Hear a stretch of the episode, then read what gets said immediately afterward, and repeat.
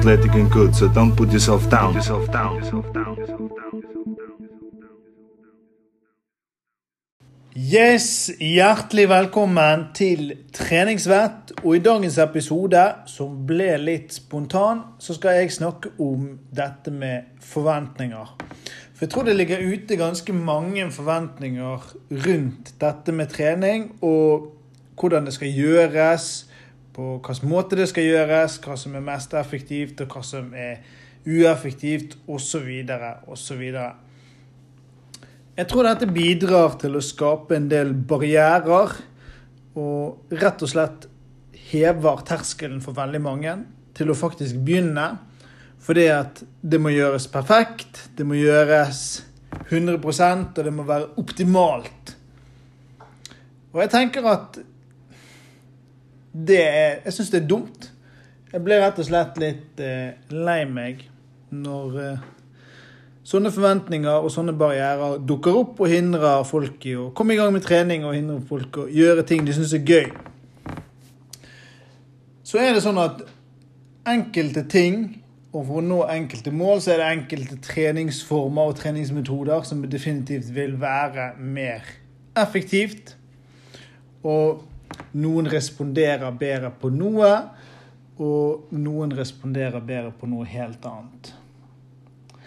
Men det første jeg tenkte jeg skulle snakke om, det var dette med intensitet, innsats og eh, ja, hvordan man gjennomfører treningen. Og jeg må beklage virkelig hvis jeg bidrar til dette. Og det har jeg virkelig ikke hatt noen intensjoner om å gjøre. Men jeg skjønner hvis det kan ha blitt oppfattet sånn. Blant annet på Instagrammen min. Og dette er dette med sånne harde treningsøkter. Sånn skikkelig harde treningsøkter. Der man bare går i kjelleren og ligger i fosterstilling etterpå. Enten det er en knallhard intervall, en sirkeltrening eller en såkalt eh, helvetesøkt som eh, jeg ofte har kjørt med Tobias eller med Emilie eller med andre, der det på en måte er om å gjøre å bare bli mest sliten. Og det er ikke sånn at dette nødvendigvis er bedre enn noe annet. Og det er ikke sånn at man må trene sånn hver gang. Man trenger ikke å trene sånn i det hele tatt. Men grunnen til at jeg gjør det, og det er rett og slett at jeg finner en glede i det. Det, det høres kanskje rart ut, og jeg syns det er litt sånn rart å si at når du er så sliten at du ikke vet hva du skal gjøre, ikke vet om du klarer å stå eller klarer å bevege beina en meter til. Jeg finner en eller annen rar glede i det, og jeg liker det å bli vanvittig sliten. Men samtidig så skjønner jeg at det er ikke alle som gjør det. Og det er en ja, For å si det sånn, altså det er, det er noe man altså Man blir kanskje ikke vant til det, men man tolererer det bedre jo mer man gjør det. Men hvis det blir en forventning om at all trening må være så hardt, og spesielt trening med personlig trener, at det skal være så hardt at man faktisk da velger å ikke gjøre det, så syns jeg det er, veldig trist. For det er ikke sånn det er. Du kan trene på utrolig mange ulike måter. Du kan trene rolig, du kan trene intensivt, du kan trene styrke med høy intensitet. Du kan trene styrke med lav intensitet. Løfte litt tyngre vekter, litt færre repetisjoner. Lengre pauser. Eller du kan kjøre høyere intensitet, flere repetisjoner, kortere pauser. Og hva du responderer bra på, og hva du liker best, det er jo mye viktigere enn at det skal være 100 optimalt. Iallfall hvis du tenker i et helseperspektiv. Selvfølgelig hvis du har lyst til å bli vanvittig sterk i baseløft, vanvittig sterk i knebøy eller markløft, et eller annet sånn, så er det optimalt å ha lengre pauser, løfte tyngre vekter, få repetisjoner. Og hvis du har lyst til å utvikle kondisjonen din, så er det selvfølgelig bedre å løpe eller ro eller gjøre et eller annet sånt, enn å trene styrke med lange pauser. Men jeg tror terskelen der, og spesielt fordi at nettet er full av så mye informasjon, så mye eh, 'Dette er det optimale. Dette er det beste.' Det hever terskelen for veldig mange. Og jeg tenker at det er viktig at hvis man er ny og ikke har trent så mye før, så er det viktig med mestring. Det er viktig å finne en glede i det man gjør, før man nødvendigvis utfordrer seg for mye.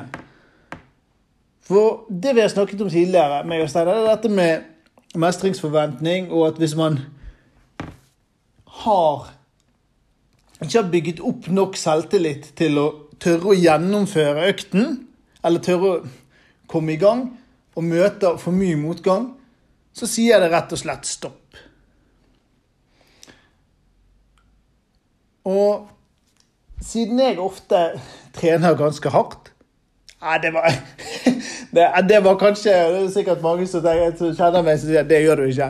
Men, um, men jeg, jeg liker iallfall en type trening da, der det er høy intensitet, og jeg syns det er gøyere å helle mer mot det enn å gjøre mye tung basistrening.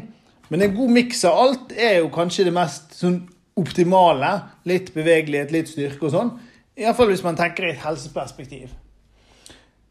Men hvis du sitter nå og planlegger eller er nysgjerrig på en eller annen treningsform, og tenker at dette har jeg lyst til å komme i gang med i høst Det kan være jogging, det kan være dansing, det kan være styrketrening. Altså det kan være hva som helst.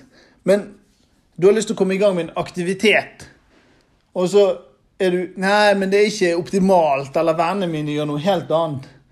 Så drit litt i det. Det viktigste er jo å komme i gang, iallfall i steg én. Så kan man gjøre ting videre for å komme nærmere målet. Hvis vektreduksjon er målet, så vil jo kostholdet spille en vanvittig rolle. Og hvis styrketrening er målet, å bygge muskler, så må du selvfølgelig løfte litt vekter, eller du må stimulere muskler sånn at de faktisk vokser. Og da vil det være mer optimalt enn å begynne å løpe ja, maraton to ganger i uken. Men uansett hva som er målet, uansett hva du ønsker, så tenker jeg det er viktig å ja, først komme i gang. Og deretter så må du prøve litt ulike ting og se hva du liker.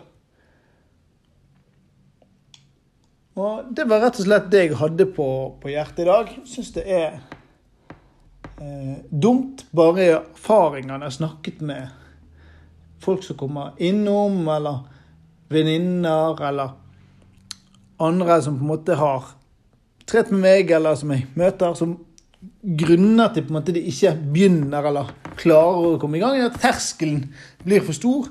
Fordi at de er enten redd for at treningen må være så hard at de skal ligge og spy etterpå, eller ligge og dø, eller at det må gjøres optimalt, og at treningene må være så lange.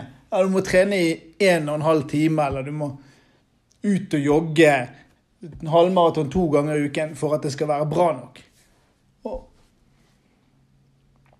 det er ulike ting som er viktig, og jeg tenker at i et helseperspektiv så er det mye bedre å gjøre litt, finne ting du trives med, og gjøre det jevnlig over tid, enn å gjøre én aktivitet kjempeofte i en kort periode, og så slutte. Så har du den andre siden. Hvis du har lyst til å bli ordentlig god i noe, hvis du har lyst til å nå et helt spesifikt mål, så kan du heller dykke inn i hva er det som trengs for å bli god i akkurat dette. Og så legge en plan og jobbe hardt mot det målet. Så håper jeg du får en strålende uke. Så snakkes vi på.